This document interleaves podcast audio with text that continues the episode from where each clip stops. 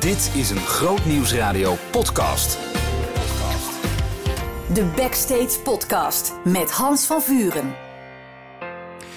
Een hele goede dag. Wat leuk dat je luistert naar deze podcast. Waarin we gaan luisteren naar een gesprek dat ik had met Wim Bevelander. Want Wim Bevelander heeft wat te vieren: 40 jaar kleinkunst. Dat is wat hij viert tijdens een eh, bijzonder jubileumconcert. Wim Bevelander met band. Het gaat plaatsvinden op 29 mei 2022. En het is goed om vooraf eh, te beseffen dat terwijl we dit gesprek opnamen, dat was halverwege januari, we nog dachten dat het concert eind januari plaats zou vinden. Inmiddels weten we dat het verplaatst is 29 mei. Dus als je ons hoort praten over eind januari, dat wordt 29 mei. Hey, 40 jaar, hoe heb jij geteld? Um, ik, uh, ja, het is eigenlijk zo ontstaan. Ik kreeg een subsidie van de Buma Stemra. Mm -hmm. En ik moest een plan indienen. Ik denk, nou weet je wat, ik doe een, eh, een concert en met wat opnames. Ja. Maar tot mijn verrassing werd dat uh, goedgekeurd. ik denk, weet je wat, ik ben ongeveer 40 jaar bezig. Mm -hmm. Toen heb ik teruggeteld. Mijn eerste LP was 1983, maar die is in 82 opgenomen. Ik denk, nou dat telt. Dus dat is ongeveer 40 jaar. Ik maak er een 40-jarig jubileum van. Hoe belangrijk is die eerste plaat? Ik heb hem hier uh, voor me. Ik heb het dit weekend eens even uh, opgezocht.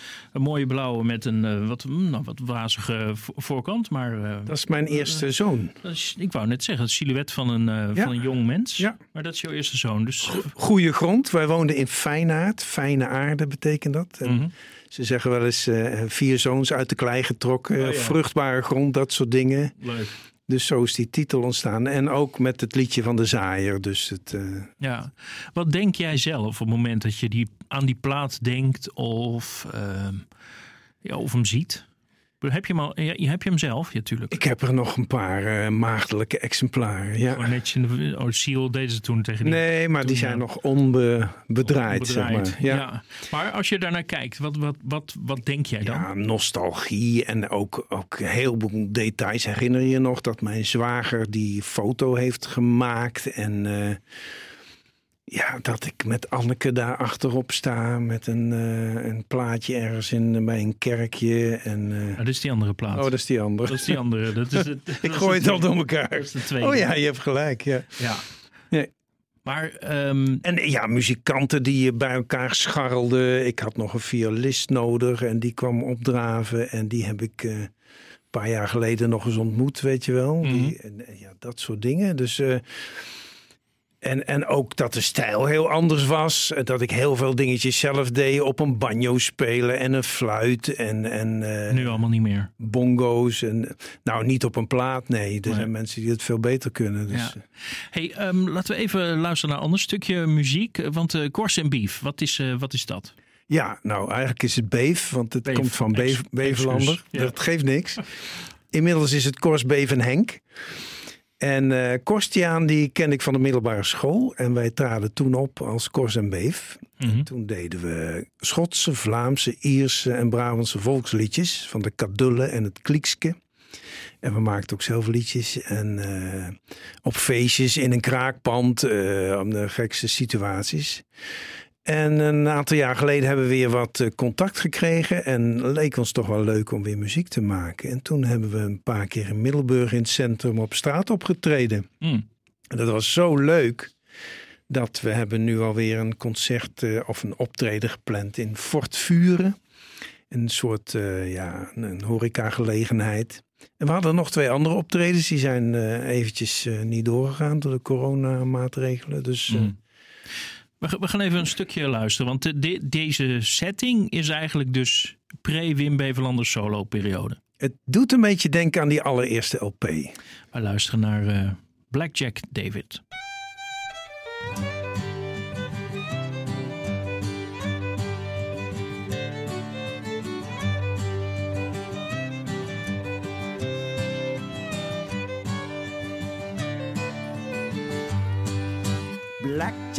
David is a name that I bear. Been alone in the forest a long time.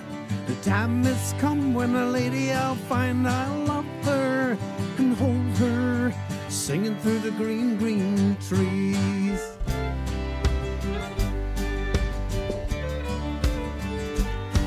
Now the skin on me hands like the letter I write, and my face is hard from the cold wind But the heart's so warm with the song that I'll sing with your made for lady, singing to the green, green trees. Charming for lady, singing to the green, green trees. Fair Eloise rode out that day from a fine, fine home in the morning. In the flush of dawn came a sound to her ear, drifting and floating, singing through the green, green trees.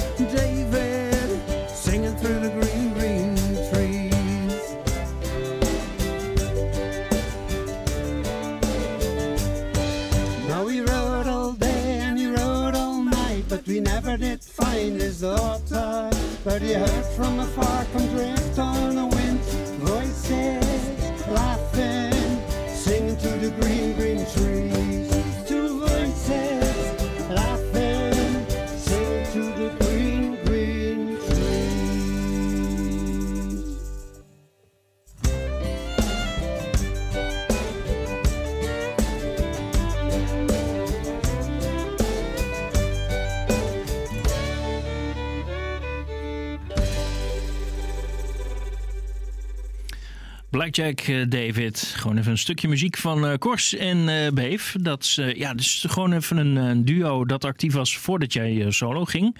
Eh, leuk om dat ja, nu weer op te pakken. Waarom doe je dat? Is dat gewoon voor de leuk? Of ben je- ook heel ambitieus met dit inmiddels trio? Eh, voornamelijk leuk. Eh, we hebben aanstaande donderdag gaan we weer repeteren. En dan eten we ook met elkaar. Eh, een stukje wandelen even. Flink kletsen. En ja, daar komen de gekste liedjes. veel voor covers doen we. Spaanse liedjes. hele bekende, hele onbekende. Ja. En we doen allemaal wat. En iedereen heeft zijn inbreng. En we hebben ontzettend veel plezier. Mm. In 83 verschijnt jouw eerste cd.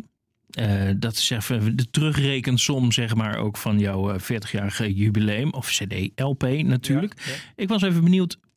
Kijk, nu, nu iedereen die een liedje opneemt, die kan dat op Spotify eh, delen. En, en de hele wereld eh, weet ervan. Stap naar een LP is duidelijk anders. Eh, kun je iets zeggen over wat, wat, jij, wat jij droomde? Of wat jouw ambitie was eh, destijds? Wat wilde je? Ik heb eigenlijk nooit van die hele duidelijke plannen gehad. Maar ik had eh, destijds een, een manager, Tom Broekhuizen. Die woonde in Nieuwegein. En die, eh, jij kent ze nog, de Christian Crusaders. Daar was Mhm. hij de contactpersoon van. En die hadden een keer een optreden in het eh, POC, het Philips Ontspanningscentrum. Ja. Ik weet niet of het nog bestaat. En ik was uitgenodigd om daar in mijn eentje wat te doen. En met een paar leden van de Crusaders, die begeleiden mij. En die Ton was daar, die zegt, mag ik jouw manager worden? Ik zei, ja, is goed joh. En eh, een jaar later zei hij, joh, heb je zin om een LP te maken? Want ik heb wel contacten. En eh, zo is dat gekomen. Ja. Wat voor tijd was dat? Kun je ons eens meenemen naar die tijd? Want wat, ik bedoel, het klinkt nu alsof eh, de wereld open ging en er allerlei mogelijkheden waren. Was dat ook zo? Het was allemaal heel pril, want er was niet zoveel gospelmuziek in Nederland Mhm. nog. Nee. Eh, het was nog voor eh, dat Ellie en Rickert eh, een christelijke LP uitbrachten, volgens mij. Ja, dat moet inderdaad. Zo kort daarna gebeurd zijn. Ja, ergens ook 83 inderdaad. Ja, ja. En dus ja, de markt was, was open, zeg maar. En waarom, waarom deed je het dan? Ik bedoel, had je, had je mensen die jou daartoe inspireerden? Of zag je voorbeelden dat je dacht, ik wilde ook iets mee? Ik, ik had wel een drive op een of andere manier. Ik weet nog dat ik met dat met Kors, we hadden ook een bandje, dat heette de, de Kiddy McGrim. Hadden we een violist en dus echt een folkbandje. Mm -hmm. En toen was ik op mijn achttiende christen geworden. En ging ik, eh, als we ergens optraden, een christelijk liedje zingen. En die anderen, die gingen dan demonstratief eventjes weg. Dus zo, zo ben ik solo-artiest geworden, zeg maar. Oh ja, ja, op het moment dat jij steeds meer over God ging zingen, ja. ging zij net een stapje achteruit. Ja, ja, daar kwam het wel op neer. Ja. ja. want als je zelf nou naar je eerste albums kijkt, hè, oh, bedoel, je nieuwere platen, die, die kennen we hier natuurlijk beter. Maar die zijn soms best wel uh, oh, radicaal evangeliserend soms. Ja. Uh, ik zat vanochtend in de auto uh, Contrast te, te, luisteren, die cd. Ik denk, nou, daar, daar wordt de, de poel van de zwavel en vuur nog even in genoemd. Ik dacht, zo, ja. zou die dat uh, anno 2022 nog doen? Nee, niet zo gauw. Nee, ik, ik sta er wel achter de inhoud, maar ik zou het niet meer zo communiceren. Nee. En voor toen was het goed, denk ik. Mm -hmm. En je maakt natuurlijk in je geloofsbeleving ook een ontwikkeling door. Uh, uh, ja, de inhoud is niet veranderd, maar de, de verpakking wel. Of, ja. of de accenten. Of, uh, ja, en, en, wat ik ook een heel belangrijk aspect vind, en dat vind ik ook het leuke aan, aan Kors en Beef, dat ik me bewust werd, me ervan bewust werd dat ik. Um, toch heel lang in een soort christelijke bubbel heb geleefd. Ik uh, werkte aan een christelijke school. Ik, ik heb uh, in kerken gepreekt.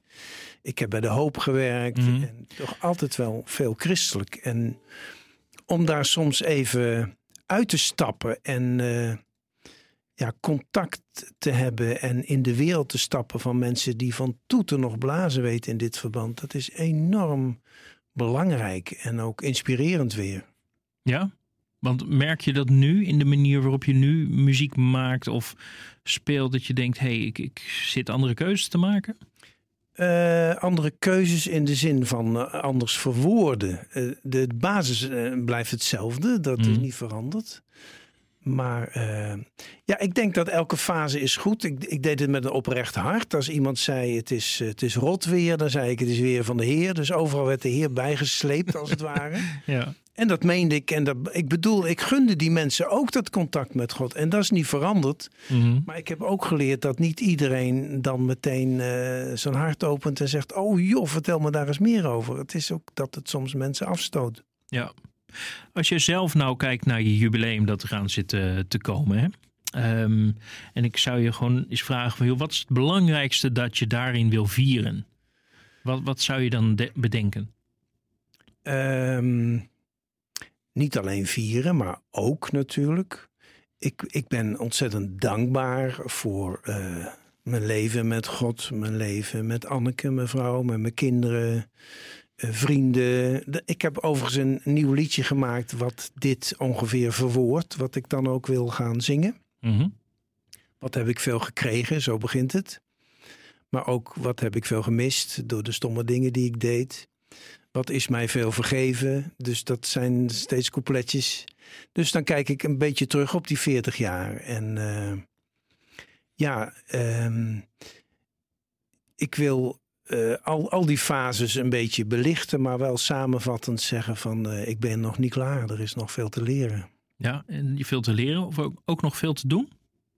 Beide, ja. ja. ja. Want is een 50-jarig jubileum, is dat iets wat je eventueel voor ogen had? Ja, ik, ik zei al, ik, ik heb nooit van die hele doelgerichte plannen gehad. Ik, ik, ik had zelfs um, een paar jaar geleden dat ik dacht van nou, mensen zitten niet meer op mij te wachten joh. Ik uh, denk dat ik maar even kijk uh, hoe het loopt. Maar mm -hmm. dan merk ik dat ik zelf het muziek maken enorm mis als ik dat wat minder ga doen. Ja. En er zijn toch nog steeds mensen die zeggen, joh, ik heb er zoveel aan gehad aan dit liedje. Of ik vind het zo leuk of mooi. Ik denk, nou, ik zie wel hoe het loopt. We gaan hier eh, zo even op door. We doen even een lied uit uh, van het album Contrast. En dat is Gelukkig zijn.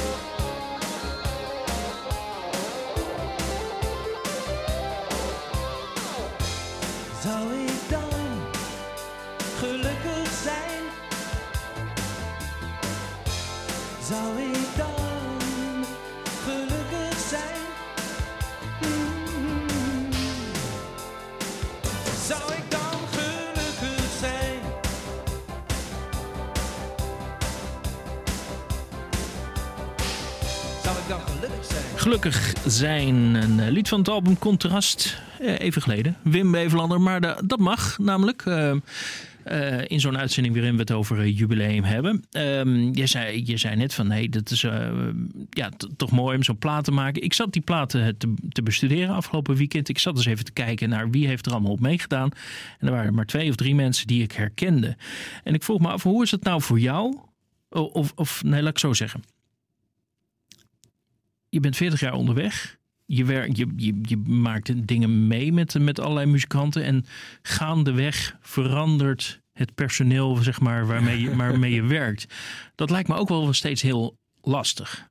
Nee joh, dat is juist hartstikke leuk. Ik, ik herinner me dat ik eh, ja, elke keer eigenlijk weer andere muzikanten op een of andere manier tegenkwam of op mijn weg kreeg. En da, ja, het is, eh, dat houdt het zo boeiend. Ik Ja? bedoel, ik kan me ook voorstellen dat je als muzikant voor de veilige optie gaat en altijd met dezelfde mensen samenwerkt. Daar is niks op tegen, want dan Mhm. weet je waar je aan toe bent. Ja.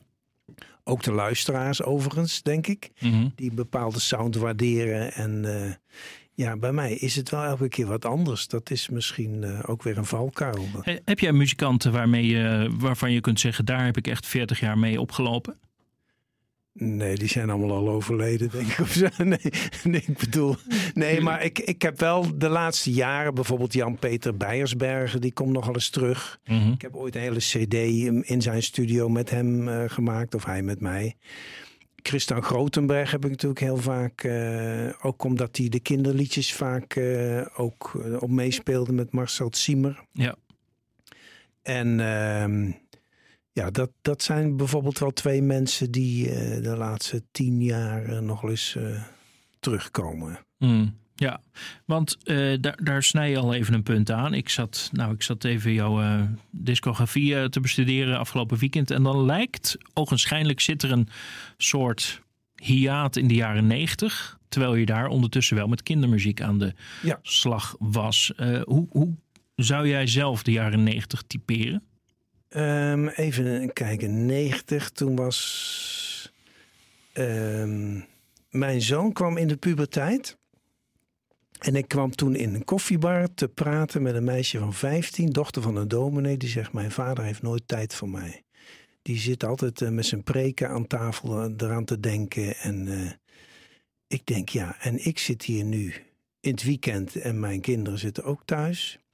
En daar heb ik echt een, een gebedszaak van gemaakt. En toen heb ik besloten om te stoppen. Een poosje. Mhm. Om die reden. Ja. Een hele moeilijke keus. Toen had ik net die eh, CD Contrast eh, uitgebracht. Ik denk, ja, dat is eh, commercieel technisch niet heel handig om dan te stoppen. Dus toen was ik in het weekend wel thuis. En toen kwam ik, ik denk nog met Harry Grovers, eh, Jan Visser in contact. En joh, eh, heb jij niet een kinderliedje? Want we met de, voor de kinderopwekkings-CD. En Nou ja. toen was ik net, had ik een, eh, die is niet op de markt meer, een eh, kinder-CD uitgebracht. Een Duitse LP in Israël, daar waar was Loos. Die heb ik vertaald. Een hele leuke CD. En, of LP. En ik mocht daar de muziek van gebruiken, de, de tracks. Mhm. En dan hebben we met 150 kinderen in eh, West-Brabant een, eh, een cassette toen van eh, opgenomen in de studio. En dat is later nog door GMI op CD uitgebracht. Oké. 150 kinderen zingen over het boek. En dus dat had ik net gedaan. En toen dacht ik, ja, misschien moet ik gewoon zelf kinderliedjes gaan schrijven. Dat was wel een omslag. En dan hoeft hij in het weekend ook niet weg. Nee, klopt. Nee. En toen heb ik een jaar of 15 in de kinderopwekkingsselectiecommissie eh, gezeten van opwekking. En dan hadden we steeds eh, besprekingen, waren er weer liedjes. En die eh, moesten dan al of niet geselecteerd worden voor de kindercd van opwekking. Dat Mhm. was heel verrijkend en leerzaam. Had je daar, ehm, nou je hoeft niet te vergelijken, maar je bent natuurlijk, op, je bent natuurlijk op een gegeven moment een liedschrijver in de jaren tachtig. Dan opeens ben jij een selectie, iemand van de selectiecommissie. En heb je het over totaal ander soort, eh, soort liederen. Had je daar evenveel, evenveel voldoening uit? Eh, het is iets, iets heel anders. Maar je, en je expertise in, in het onderwijs natuurlijk. Ik, Mhm. ik gaf lessen aan het basisonderwijs. Dus je weet wel een beetje wat kinderen leuk vinden. Wat ze snappen. En eh, dus dan kwamen er zeg maar 30, 40 liedjes binnen. En dan moesten we selecteren. En dan was het soms toch nog van... ja, er zit eigenlijk te veel van dit. We moeten nog iets in die richting kun jij ook niet een liedje maken. En eh, dat was wel een stok achter de deur. En eh, dat heeft hem wel geholpen om, om meer kinderliedjes te gaan schrijven. Even terug naar dat besluit om eh, niet meer op pad te gaan eh, met, je, met je muziek. Heb je, ik kan me voorstellen, als ik zo'n besluit zou nemen, dat je op- toch ook soms afgelo- eh, in, in het weekend zeg maar met je gezinnetje bent en je bent ik veel, een film aan het kijken, of je spelletjes aan het doen, dat je op een gegeven moment denkt, ja, maar ik had nu ook in een koffiebar in Wierden kunnen staan. Om maar even een plek te noemen. Ja, en toch, toch heb ik dat gevoel nooit zo gehad. Omdat er in die tijd eigenlijk eh, verzoeken kwamen om spreekbeurten te doen. Eigenlijk gewoon de preek in Mhm. allerlei soorten kerken en gemeentes. Dat is nooit mijn ambitie geweest. Maar al gaande en aldoende begon ik dat heel leuk te vinden. Terwijl ik altijd heel verlegen was. en Mezelf helemaal geen spreker vond. En ehm, ja, ik merkte daar toch wel enige bevestiging in. En dus ik viel niet in een gat. Het is eigenlijk heel soepel Ja. in elkaar overgelopen. Maar hoe, jij zei, eh, bedoel dat gesprek met dat meisje van eh 15, die zei mijn vader is er nooit, want die zit zijn preek voor te bereiden. Hoe heb je dat voorkomen bij jouw eigen situatie? Want als je opeens op zondag gaat spreken, ja, dat, dan kun je hetzelfde gevaar hebben als het, als het spelen op zaterdag. Ja, maar ik vind, eh, zondagochtend zaten we toch altijd in de kerk. En eh, ja, ik ging dan niet, niet met mijn gezin altijd mee. Dat is Nee, wel zo. Maar goed, die preek moet toch voorbereid worden? Ja, maar dat kan je op momenten doen dat het uitkomt. Hmm. Dat eh, de, bepaalde momenten dat je met het gezin bij elkaar wilt zijn, die kun je gewoon vrij houden. Hey, dan op een gegeven moment, ehm, je zei het net zelf even, op een gegeven moment komt ook de vraag: zit iemand nog op mij te wachten? Ergens begin deze eeuw, rond 2005, eh, heb je gedacht: ik ga toch ook weer een beetje met de volwassen muziek aan de slag. Die vraag heeft je toen waarschijnlijk ook bezig gehouden: zitten zij wel nog op mij te wachten? Eh, wat was voor jezelf het antwoord? Nou, een strategie die ik heel vaak eh, hanteer is een klein stapje zetten.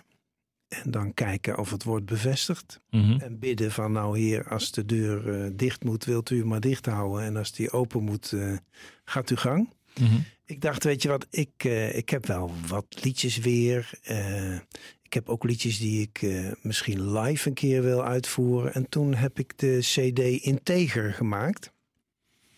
In een klein theatertje in Dordrecht. Live, dus dat was niet zo duur. Nee. En ja, dat, dat was eigenlijk zo leuk om te doen. Maar ik kreeg ook zulke leuke reacties en uitnodigingen weer. Ik, uh, ja, dan volgde weer een volgende stap. En zo is dat heel uh, soepel verlopen. Ja, want voor wie Integer kent, daar staan ook heel veel liederen op die van je eerste drie albums komen. Dus 15 jaar na dato gingen mensen opeens weer kennis maken met liederen die ze wellicht van vroeger kenden of uh, ja. die een eerste kennismaking waren. Hoe, hoe, hoe zou je het publiek omschrijven dat jij die eerste jaren van deze activiteit zeg maar, in deze eeuw uh, had? Uh, het publiek, was dat, waren dat dezelfde mensen als de jaren 80 of heb je nee, nee. totaal nieuwe mensen gezien? Nou, ik, ik denk wel veel nieuwe mensen. Ook mensen die, ik, die mij kenden van spreekbeurten. Want dat ben ik wel steeds blijven doen. Eén of twee liedjes zingen tijdens een spreekbeurt. Ja. En uh, dus ja, er waren denk ik een honderdtal mensen konden daar maar in. Dus het was niet een hele grote zaal. Mm En uh, ja, de, er staan nog, nog een paar fragmenten van op, uh, op YouTube geloof ik. Met wat cabaret. Het was eigenlijk meer cabaret ook. Dus... Die liedjes van de jaren daarvoor, van die eerste platen, die uh, zeker van contrast, we hadden het er net over, dat is nog met een drumcomputer opgenomen. En daar was ik niet altijd heel even enthousiast over. En ik denk, soms komt een liedje net zo goed, of misschien wel beter tot zijn recht, gewoon met één gitaar en live met een zaal die reageert. Ja. En dat, uh, dat vond ik wel een leuke uitdaging. Ja, we gaan luisteren naar. Uh, ja, je moet het even toelichten. Het is de titelsong van jouw tweede plaat, Postzegel, maar in een andere versie. Uh, wat gebeurt hier? Dit is de klassieke versie. Het liedje Postzegel bedoel Postzegel, ja. Postzegel-lied. Ja. Nou, in die tijd had je een uitdrukking. Als mensen een uitgestreken gezicht hadden, dan noemden ze een postzegel. Die uitdrukking kennen we denk ik niet meer nu. Nee. En dus het, de zin, het liedje begint met: Ik ken een man die heeft een postzegel, maar dan bedoel ik niet zijn gezicht. Eh, letterlijk een postzegel. Mhm. En ik had een uh, artikeltje van een, een postzegelverzamelaar. Die had iets, ik weet niet hoeveel honderdduizenden euro's die postzegel waard was. En de metafoor is dan van als zo'n stukje papier al zoveel waard kan zijn, omdat iemand er zoveel voor biedt. Ja. Hoeveel meer zijn wij dan eh, wel niet waard, omdat God ons betaald heeft met het leven, het kostbare leven van zijn eigen zoon. Dus Mhm. in die zin zijn we heel kostbaar. Oorspronkelijk werd het in eh, 85 op de plaat gezet. In, in 2007 heb, is daar een nieuwe versie van eh, gemaakt. Heb jij die ook opnieuw ingezongen? Ik, weet even niet waar je nu op doet. Ja, Harry Govers heeft toch een strijkorkest eronder gelegd? Oh, die bedoel je, die, Die bedoel eh, die klassieke. Dat zei ik. Ik zei klassiek. Ja, ja, ja. Maar dat is Ja. even ook weer multi-interpretabel. Dat bedoel ik. Ja. Ja, Maar wat was je vraag? de vraag is, eh, hoe, hoe, eh, één, heb je hem opnieuw ingezongen? En twee, waarom werd juist dat lied opeens weer nieuw leven ingeblazen?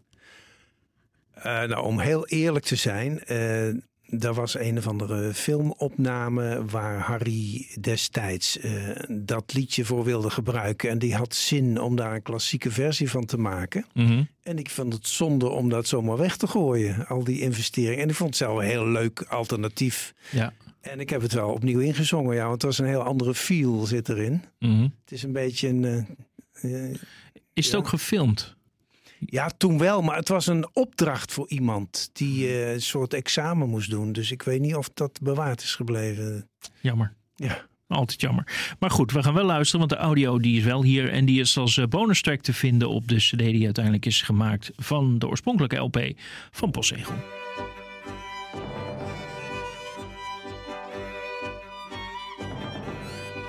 Ik ken een man die heeft een postzegel.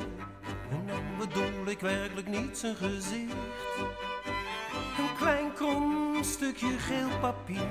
Regelmatig houdt hij tegen het licht. Het heeft hem heel wat geld gekost. Maar dat was het hem ook meer dan waard. Een misdruk, geen bijzonder ding. Maar wel de enige die er bestaat.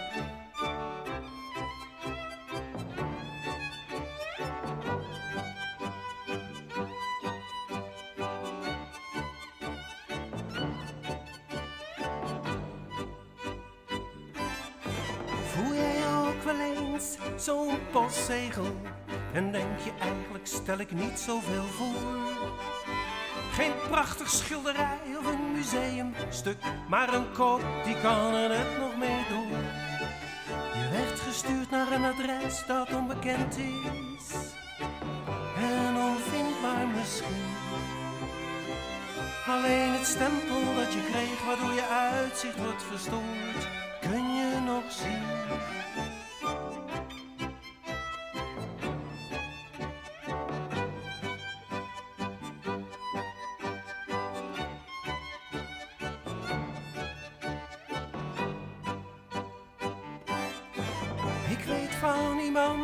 Die nu zoekt naar jou. Hij zocht en vond ook mij.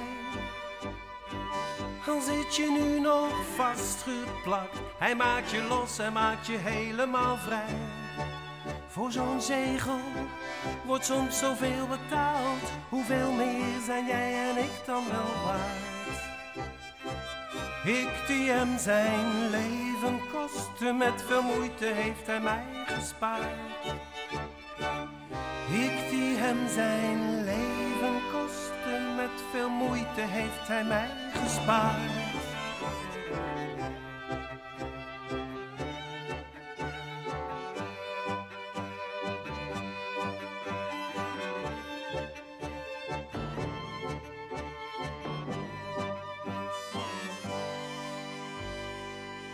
Gast vandaag is eh, Wim Bevelander. De aanleiding is een eh, jubileumconcert dat eh, plaats zal gaan vinden op 29 januari. Met alle mitsen en maren die daarbij te verzinnen zijn. Je pakte net de setlist. Vervolgens pakte ik weer een zijsprong over berichten. Uiteraard. Jij, uiteraard, zoals dat dan gaat.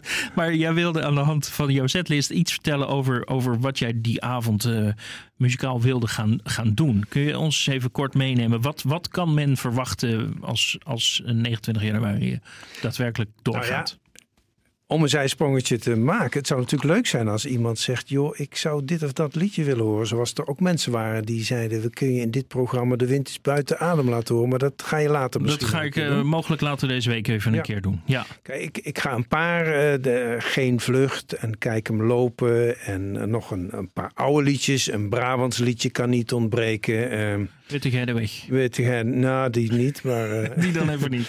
Ik zie nog wel, heet hij. Oké. Over de tien meisjes. Ja. De gewonde soldaat en mijn God. Aanbidden kan met woorden. Kyrie eleison. Hier ben ik. Maar nogmaals, als mensen zeggen, joh, eh, ik ga dan komen en ik wil eh, dat of dat liedje horen. Ik ben heel benieuwd, want eh, ik sta daar wel voor open. Ik ben ook helemaal niet op de hoogte wat mensen nou... kijk, jullie maken ook altijd maar een keuze op, op Great News Radio. Ja, En, wij, eh, wij doen ook maar wat. ja, daarom. Ja, wij, wij kiezen, ja nee, goed. En, dat, eh, en wat mij opviel trouwens, om toch even een zijspoor te pakken. Ik zat dit voor te bereiden. Ik zat even op te kijken wat er allemaal op Spotify staat. Dat is niet het complete oeuvre. Maar ik zag dat jou, jouw kinderliederen echt belachelijk vaak eh, geluisterd worden. Nou, vergeleken met de anderen inderdaad wel, ja. Wa- wa- hoe komt dat? Draaien ze dat op basisscholen of zo eh, continu tijdens de pauze of zo? Heb je daar een verklaring voor? Ik, ik weet dat er een of andere een, een onderwijzer is die een soort eh, een, een speellijst heeft. Waar die, eh, die wordt heel vaak geraadpleegd of gebruikt. Mhm. Er staan ook liedjes van mij op. En ja, ik denk dat die liedjes heel vaak op scholen worden gebruikt en zonder scholen. En ehm, ik, ja, ik maak zelf niet zo gek veel reclame. Dus dan, en die kinderliedjes, daar wordt wel wat mee gedaan. Ja, ik denk dat het gewoon zo werkt. Ik weet het niet. nou ja, goed, als het maar gebruikt wordt, toch? Ja. Hey, eh, en toch even, ik zei het al, er zijn allerlei mitsen en maren. Ik zag dat je afgelopen weekend al een eventuele reservedatum eh eh, Ja. vrijgaf. Van joh, mocht 29 januari niet gebeuren, dan wordt het eh 15 mei denk ik. Nou ja, ik dacht aan 15 mei. Ik had twee reservedata, maar nu kreeg ik toevallig vandaag een mailtje van, van het energiehuis van joh, die 15e, dat wordt al heel krap. Zou jij voor de 29e willen kiezen? Oké, Dus waarschijnlijk wordt het die datum, maar dat moet ik weer even met de bandleden en de anderen overleggen. Het is wel een klus, hè? Dat, het is heel ingewikkeld, ja, ja. ja. Maar goed, voorlopig gaan we even uit van 29 januari. En op, Mei. Oh ja, ja. ja. Ja, ja. ja dat, optie 1 is nog steeds 29 januari. En mensen die erbij willen zijn, die kunnen naar truetickets.nl. Klopt. Dan uh, wil ik uh, dit gesprek graag afsluiten met jouw uh, nieuwste lied. In ieder geval ja, die, op, uh, die uitgebracht is. Die is uitgebracht. Ja. En dat is uh, een lied over kleinkind. En je hebt eerder in de uitzending al eens gezegd... eigenlijk is het een verzamellied voor alle kleinkinderen, ja, toch? Ja, ja, ja, ja, ja. Alle vijf. Alle vijf, ja. En ondertussen heb je ook een jarige schoondochter, toch vandaag? Uh, dat was de achtste. Oh, dat is alweer twee dagen geleden. Ja, ja. Oh, ik zit zo niet op te letten.